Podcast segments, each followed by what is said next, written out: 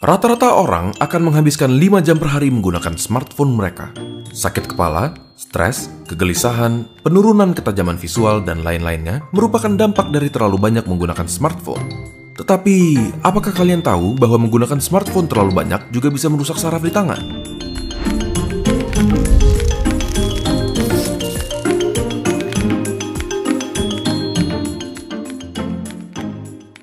Seberapa banyak dari kalian yang suka menghabiskan waktu menggunakan HP?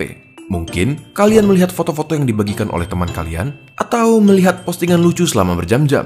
Melakukan ini secara terus-menerus dapat merusak saraf median, salah satu dari beberapa saraf yang mengkontrol gerakan tangan dan jari kita. Saraf median mengkontrol gerakan jempol, jari telunjuk, jari tengah, dan setengah dari jari manis. Kerusakan terhadap saraf ini akan menghasilkan ketidaknyamanan dalam menggerakkan jari yang terhubung olehnya, kalian bisa merasakan seperti ditusuk oleh jarum-jarum kecil atau lebih dikenal dengan sebutan kesemutan, dan bisa juga merasakan kaku. Jika dilanjutkan, jari-jari tersebut tidak akan bisa digerakkan sepenuhnya lagi. Tapi, bagaimana sih hal ini bisa terjadi? Di dalam tangan kita, terdapat suatu bagian jalur atau bisa saja disebut terowongan di mana saraf ini lewat. Tunnel ini dilindungi oleh tulang karpal yang terletak di bagian bawah telapak dan ligamen yang bernama transverse carpal ligament di bagian atas. Selain saraf median, beberapa tendon juga melewati jalur ini.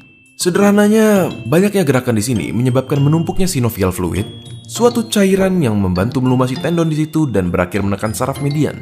Hal ini disebut carpal tunnel syndrome.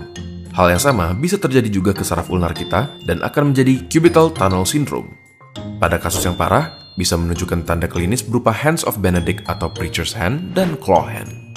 Jadi, apakah hal ini bisa diatasi? Jawabannya adalah bisa. Jika belum terlalu parah, kalian bisa diberikan obat oleh dokter kalian atau suntikan, beserta gerakan-gerakan spesifik untuk meringankan gejala.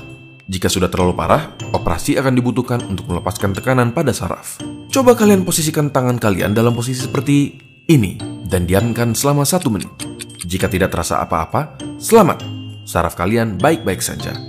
Jika terasa tidak nyaman, kesemutan, atau bahkan nyeri, mungkin ada baiknya mengunjungi dokter untuk memastikan kesehatan saraf median di tangan kalian. Bagaimana menurut kalian? Apakah kalian akan mengurangi penggunaan smartphone? Bagikan video ini ke teman-teman kalian yang terlalu banyak main HP. Jangan lupa untuk subscribe demi mendukung keberlangsungan channel ini.